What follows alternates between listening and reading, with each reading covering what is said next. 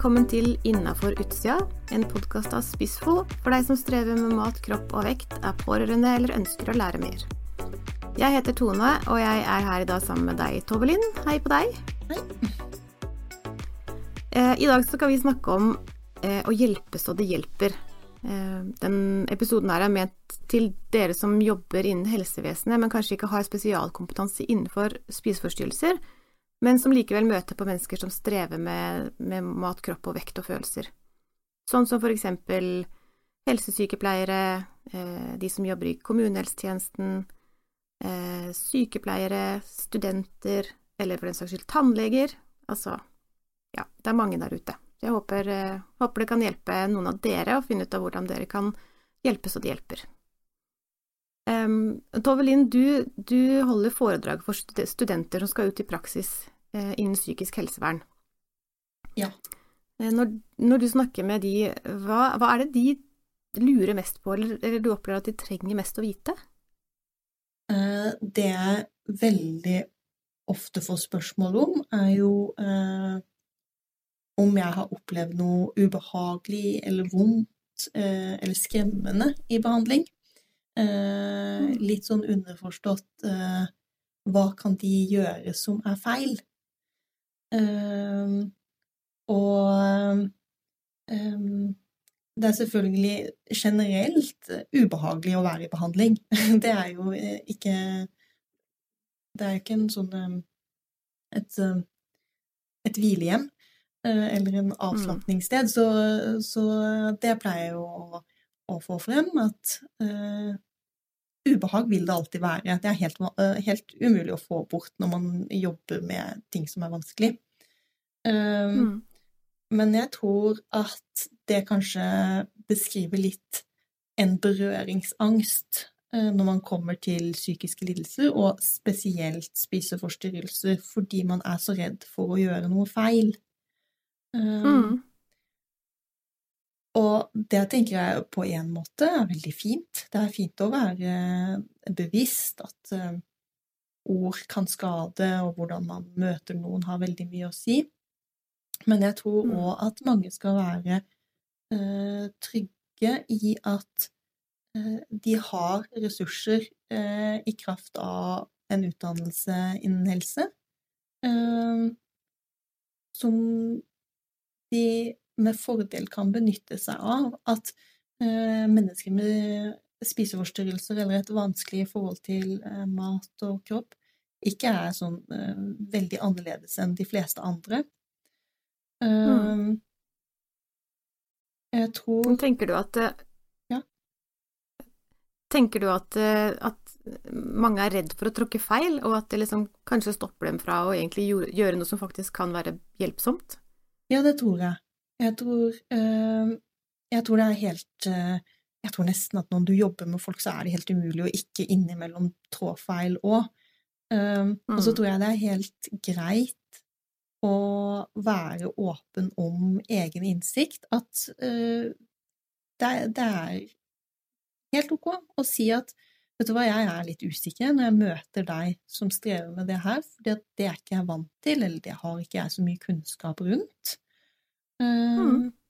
Jeg har opplevd det sjøl, at eh, jeg har fått hjelp av eh, en psykiater som var åpen om at han ikke hadde spesialkompetanse på spiseforstyrrelser, men eh, han ville jo prøve å hjelpe meg. Og jeg opplevde bedring i spiseforstyrrelsen når, altså, i, i, den behandlinga, fordi han benytta seg av en helt annen innfallsvinkel, en helt annen metode. Og det tenker jeg kan være et mm. sånn godt eksempel for, uh, for alle, at uh, du har nok noen verktøy uh, som du kan bruke. vær litt kreativ. Ja. Mm. ja, det er jo kjempebra. Og jeg tenker man må jo tørre litt, da, for å faktisk eh, ikke sånn som du sier da, å ha litt sånn berøringsangst, eller at man tør ikke å ta i det fordi at man kan ikke nok om det. Men å kunne være åpen om at jeg kan ikke så mye om det, men hva kan jeg bidra med likevel? Alle har jo, alle har jo generell kunnskap og ressurser som kan brukes nyttig, på en måte. Så ja. kanskje mange er for redde for det. Ja, jeg tenker at litt eh, berøringsangst er sunt, eh, men, eh, men eh, for mye er ikke heldig. Mm. Vi liker jo ikke å Ingen av oss liker jo å liksom hive oss ut i noe som potensielt kan eh, ja, jeg vet ikke, Trygge eller såre en annen, da, eh, når man egentlig har som hensikt å hjelpe. Men jeg opplever også nok det at det å gå rundt det og bare ikke forholde seg til det, det er enda mer skadelig, egentlig, også for den som strever, da. Fordi man kan jo oppleve da at eh, du hører meg jo ikke i det hele tatt, eller du, du ser meg jo ikke. Eh, vi skal bare late som at dette ikke fins. Ja, ikke sant. Det gjør jo at man uh, kan føle seg misforstått, selv om ikke ja, det nødvendigvis er tilfellet. Mm. Um, både du og jeg har jo vært pasienter lenge, har mye pasienterfaring. Og har mye Mm. erfaring med å bli møtt av helsepersonell, og du har jo òg mye erfaring som rådgiver med å snakke med folk som er syke, eller som strever. Eh, Mm. Hva slags tilbakemeldinger får du fra brukerne om hva som er nyttig eller unyttig når de møter helsepersonell? Em, den tingen som jeg hører aller, aller mest fra nesten alle, det er at de opplever å ikke bli tatt på alvor. Uh, og jeg tenker jo for psykiske lidelser generelt så tror jeg det er en utfordring, at som mange, veldig mange opplever, å ikke bli tatt på alvor. Men med spiseforstyrrelser eller spiseproblematikk spesielt, så er liksom måleparametrene litt sånn annerledes, da, og mange opplever det triggende å få høre dette at eh, for eksempel eh, at vekta er jo normal, så det går fint. Mm. Eh, eller du er jo ikke syk nok, er den beskjeden veldig mange tar med seg hjem. Og til og med hos oss, da, når, når folk kommer til samtale hos meg for første gang, så tror jeg altså nesten 95% av de som kommer, starter med å unnskylde seg litt og si men jeg er ikke, jeg er ikke veldig undervektig, altså. Eller jeg er ikke undervektig, så, så det jeg, Kanskje jeg egentlig ikke burde være her. Og grunnen til at de sier det, er fordi det er den beskjeden de har fått ellers i, i møte med helsevesenet, når de, har, de som har prøvd å oppsøke hjelp, da. Og det vet vi jo er så fryktelig trist, fordi vi vet jo veldig godt at eh, de aller, aller, aller fleste med en spiseforstyrrelse er jo normalvektig eller overvektig. Eh, å få den beskjeden da at eh, du er ikke syk nok, det eh, trigger sykdommen ganske brått for mange i en spiral som gjør at ok, hva må til for at jeg er syk nok til at du ser min smerte, da. Ja. Så jeg tenker på det synlige og målbare. Eh, det er ikke Man kan ikke veie noen annens eh, eh, livskvalitet eller smerte i kilogram, for eksempel. Eller i blodprøver. Nei, ikke i det hele tatt. Og eh, på mange måter litt sånn tabloid kan vi jo si at eh, den spiseforstyrrelsen er den eneste psykiske lidelsen som måles ut fra fysiske parametere. Um, Mm. og på ett vis så kan man forstå det, fordi alt jeg tror, jeg tror det ligger for oss at alt som er målbart, alt man kan se, alt man kan kjenne på, det er lettere å forholde seg til enn det som er øh, øh, usynlig, det som øh, er Ja, det som skjer inni oss, da. Mm. Men det betyr jo ikke at det er sånn det bør være, eller det er sånn vi ønsker at vi skal bli møtt. Nei, absolutt ikke. Det, det, sånn kan vi jo helst ikke bli møtt. Jeg tenker at det, viktigste er jo ja, å bli tatt på alvor. Da tenker jeg at eh, mange med eh, utfordringer med, med mat og kropp eller spiseforstyrrelser, de trenger jo nettopp det motsatte. De trenger jo et, en, et menneske som møter dem på at eh, det jeg kan se foran meg nå, forteller ingenting om hva du strever med, eller hvor mye du strever. Så jeg trenger å vite noe mer om hva som er innafor utsida. Ja, og det at det ikke er noen korrelasjon mellom hvordan du ser ut utapå og åssen du har det inni. Eh, det, det, det, kan godt være sånn at eh, gitt at du har trengt en vektoppgang da, og har vært gjennom en, en vektøkning, så kan du ha det like vondt, eller til og med enda verre, eh, når du har nådd eh, målvekta. Altså, bare det er jo òg et sånn tåpelig ord, men som brukes. men, men eh, Og så at man gjerne da opplever at OK, nå har jeg blitt sånn som at det ser ut som at jeg har det bra, og så får jeg ikke mer hjelp. Eh, og det kan jo bli en uh, Det er jo ikke sånn at en spiseforstyrrelse er en lineær prosess, at man starter et sted, og så går det sakte, men sikkert den ene eller den andre veien. Altså, det går jo Det er jo Det, det går rundt og rundt, og man kommer til det samme punktet kanskje flere ganger. Ehm, og hvis man da har opplevd mm. at oi, med en gang jeg eh, legger på meg eller har en vektoppgang, så mister jeg den hjelpa. Men jeg er fortsatt mm. ikke frisk. Jeg har det fortsatt skikkelig, skikkelig vanskelig. Så blir det jo mm. til at øh, man ønsker å motarbeide det, da. Man ønsker ikke øh, den øh, vektoppgangen, for eksempel. Mm. Nei, det er helt riktig. Spot on, det som veldig mange forteller også. Og de, de får jo på en måte bekrefta det også gjennom helsevesenet, at, eh, at de mister behandling hvis eh, vekta normaliseres.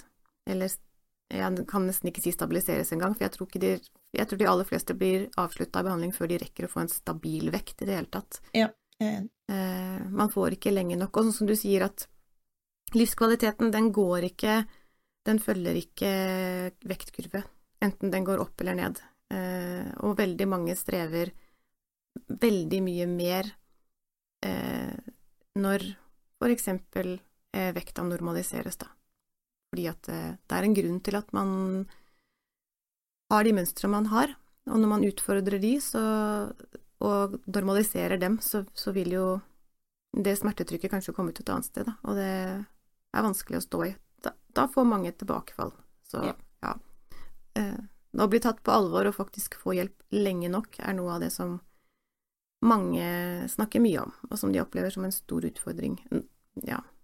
Eh, en annen ting som mange snakker om, det er dette med kost, kostholdsveiledning. Ja som, som, mange opplever at enten fastlegen eller kanskje ja, altså andre da,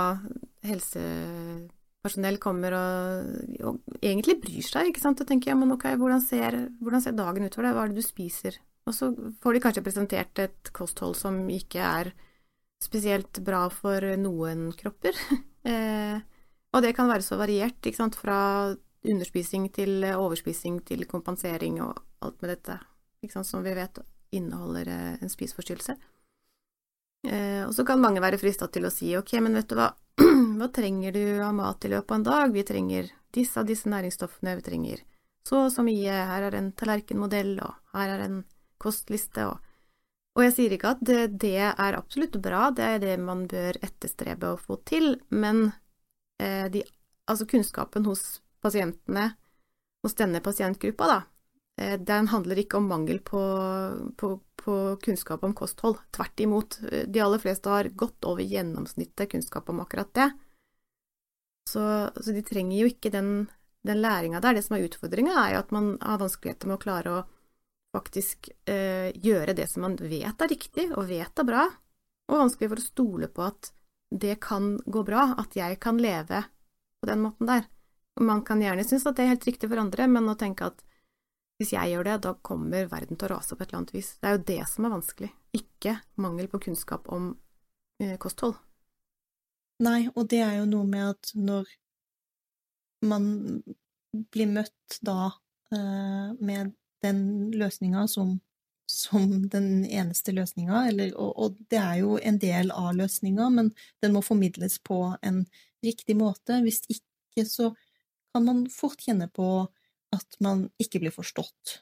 Uh, Mm. Og det er jo uh, ikke en uh, fruktbar følelse. Altså, det bidrar ikke til at man stoler på hjelperen sin, eller til en bedringsprosess. Det bidrar til frustrasjon og usikkerhet og ja, utrygghet. Mm, absolutt. Og jeg tenker i stedet så kan det være nyttig å prøve å finne ut av hva er det som gjør det vanskelig å, å spise på denne måten? Hva, som, hva, er det som gjør det vanskelig å eh, følge et normalt kosthold? Hvor ligger liksom utfordringa i det? Hva er det som gir den angsten? Eh, det er jo liksom litt mer i, i retning av hjelp, da. Og det er ikke sikkert man har noe svar på det, det er jo ikke ett svar på det, ikke sant, det er jo like mange svar som det er mennesker som strever, men, men da viser man interesse og prøver å forstå hvor problemet faktisk er, istedenfor Det samme, sant, med, med, de som strever med overspising eller, eller, overvekt, da. De trenger ikke å bli fortalt av legen sin at de er overvektige, de, de vet det. Det problemet er jo at eh, det er ting som gjør at det er vanskelig å slutte det mønsteret man har. Å vise nysgjerrighet mot det kan være hjelpsomt. Mm.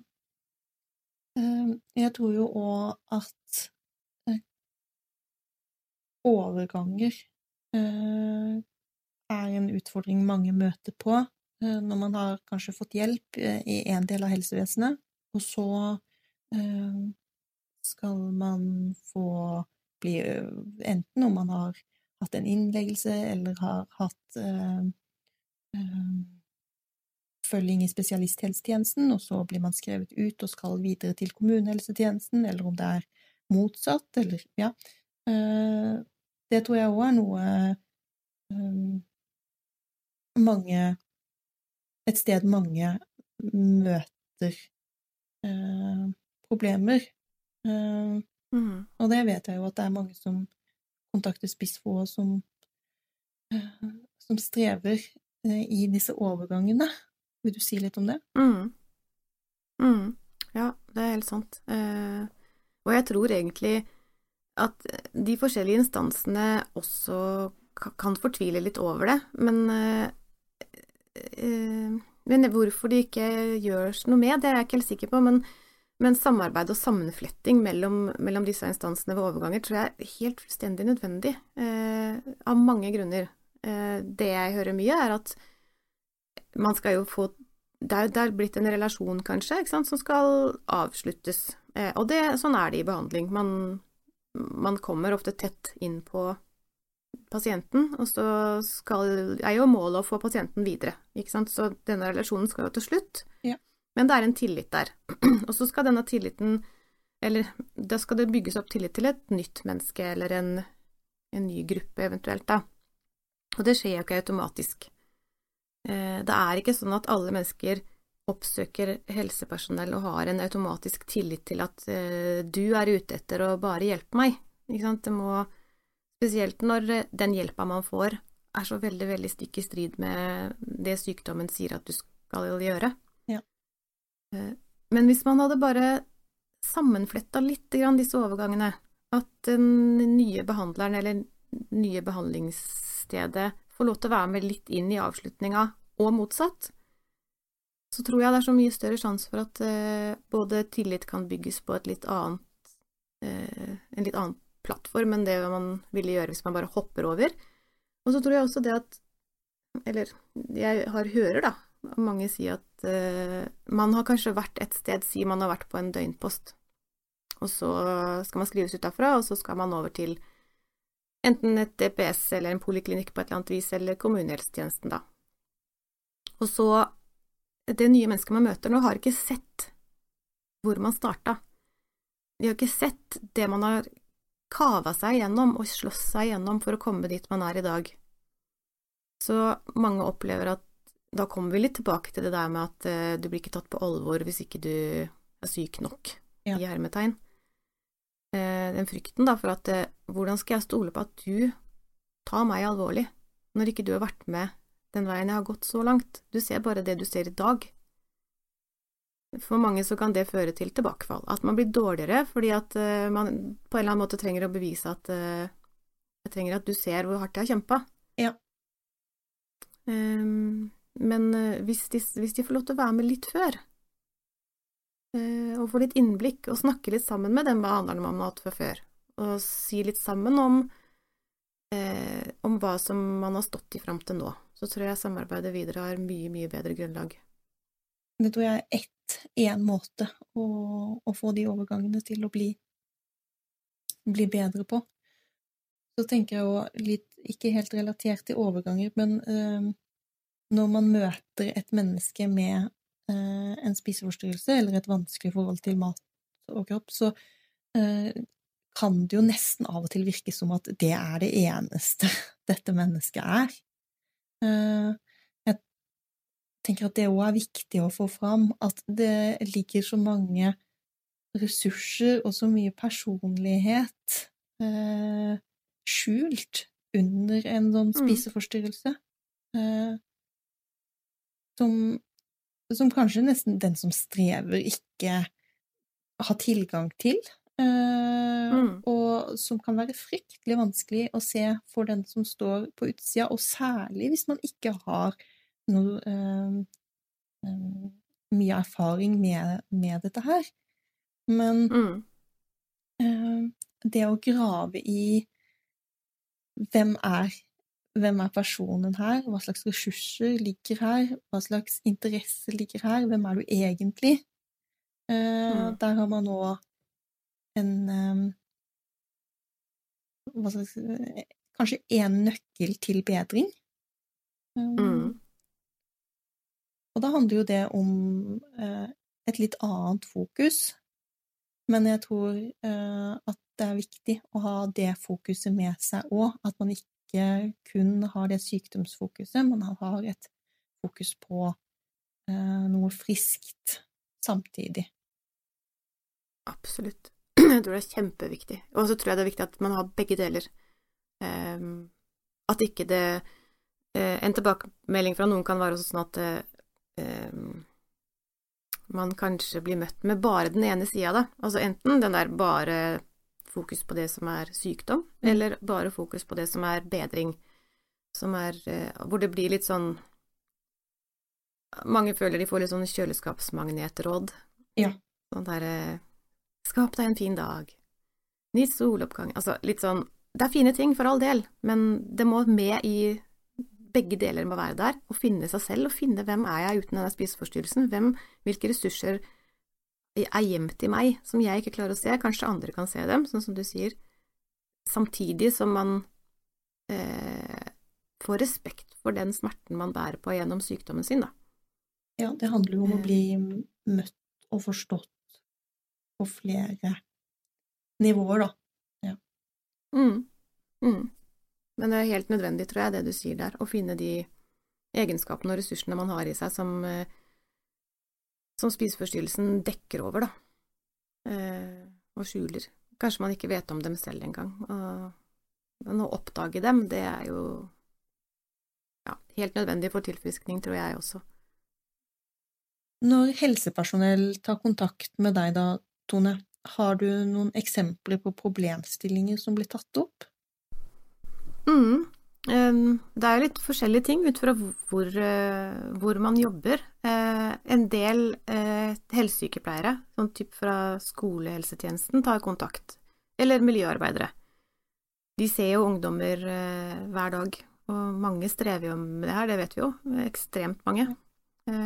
Men typisk kan være altså De kanskje så vidt har litt samtale med en gutt på 15 år som eh, tydelig strever med, med mat og kropp, trening, vekt. Eh, og mange syns det er vanskelig å vite hvordan åpner jeg en samtale med han. Eh, hva er det jeg skal si for at vi kan fortsette en dialog om dette her, og hva kan jeg si som potensielt lukker døra, og som ja. ikke sant, gjør at tilliten er brutt. Og, og veldig ofte så handler det jo mye om å lytte, og det handler jo mye om å vise vennlig nysgjerrighet, og ikke formane, og ikke peke på at eh, jammen du kan jo ikke det, eller jammen du må jo det. Altså eh, Vi snakka i stad om berøringsangst, og vi skal ikke være så redd for å tråkke feil, og det skal vi ikke. Vi, eh, med ungdommer så, så, er liksom den tillitsbarrieren kanskje litt sårbar i en viss alder, men mange lurer på sånne ting. Og at de ikke vet helt hva slags hjelp trenger denne videre? Må jeg gjøre noe her? Jeg, bør jeg kontakte fastlegen? Bør jeg kontakte foreldre? Mm. Hvem andre kan hjelpe denne personen når ikke jeg kan så mye? Ikke sant? Sånn, sånne ting, da.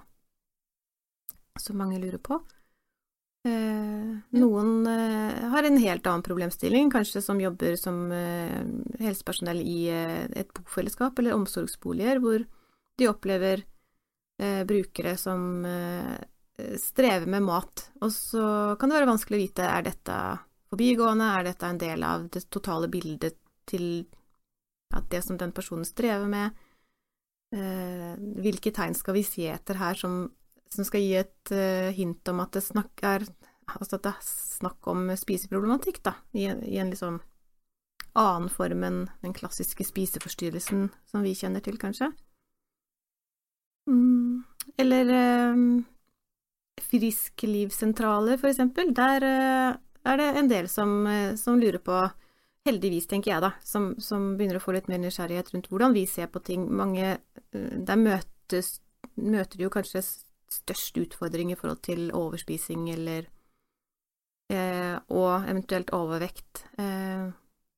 og mange har eh, Altså kan ha en sånn innstilling der om at eh, kom deg ut, ikke sant, opp i skogen, uh, ut i skogen, opp i trærne, og at dette her er nødvendig og viktig. Og det er, det er, det jo, tenker jeg, absolutt, men uh, vi må huske på at det er en grunn til at den terskelen er fryktelig høy å komme over. at det handler ikke om latskap. at det handler ikke om å ikke ha kunnskap her eller om kosthold. og at overvekt er ikke nødvendigvis lik uhelse. Eh, nei. Nei. Så her er det liksom eh, Normalen er eh, stor, altså i alle retninger, men å ha et fokus på dette her med bare kom deg ut, kom i gang, liksom. Vi har ting du kan være med på, det er, det er, kjempefint, men for mange kan det virke demotiverende. Man kan få det som en sånn bekreftelse på at jeg er jo bare lat og feit og dum. Altså, her ligger ting til rette for meg, og så klarer jeg ikke å komme meg ut døra. Og det er jo den biten man må vise forståelse for, ikke sant. Hva er det som gjør det vanskelig? Ja.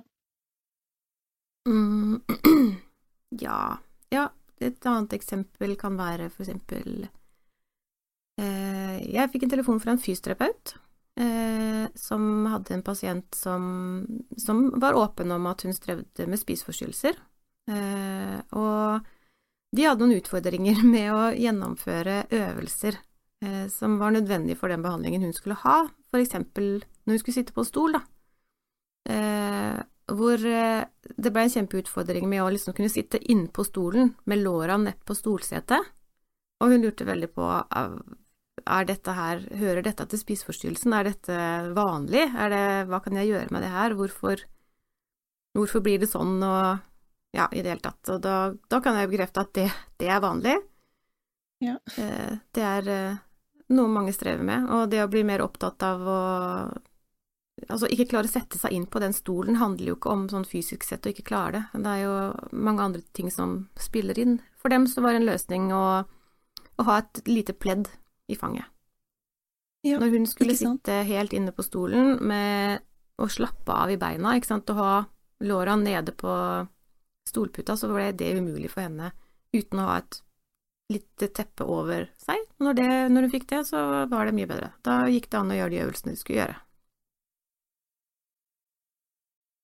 Og det her handler jo litt om å uh, Det vi snakker om nå, at, uh, at, mange har nok noen løsninger liggende i seg. Uh, mm. Å være litt kreativ. Mm. Ja. Og noen trenger bare å få liksom bekrefta at jo, dette her er ganske vanlig. Mange føler det sånn fordi derfor og derfor. Eh, ja. Og da er det lettere å se en løsning, hvis folk forstår hvorfor, hvorfor er det sånn, hvordan henger det sammen, og hva kan vi gjøre da, i så fall. Absolutt. Ja. Så det var en liten miks av eh, ting folk lurer på. Hva kan Spissfo tilby til helsepersonell som trenger råd og veiledning? Vi kan tilby veiledning på telefon. Eh, eller eh, altså Og da er det jo på en måte egentlig bare å ringe. Vi har jo eh, den nasjonale hjelpetelefonen som er åpen fra ni til fire hver dag. Der er det alltid noen som svarer.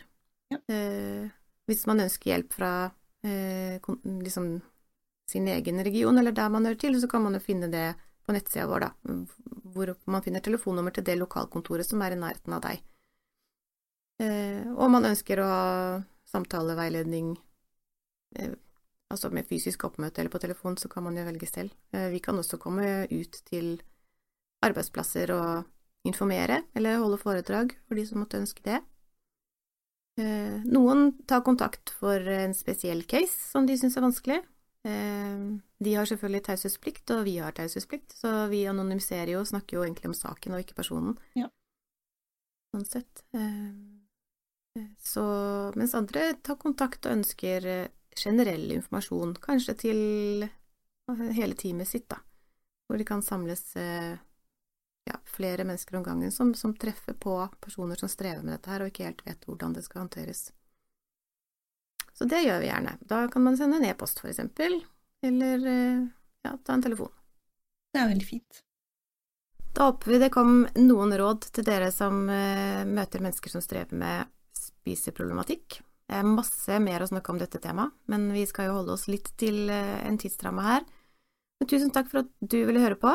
Jeg håper at du har lyst til å høre på oss igjen, og ønsker deg en god dag.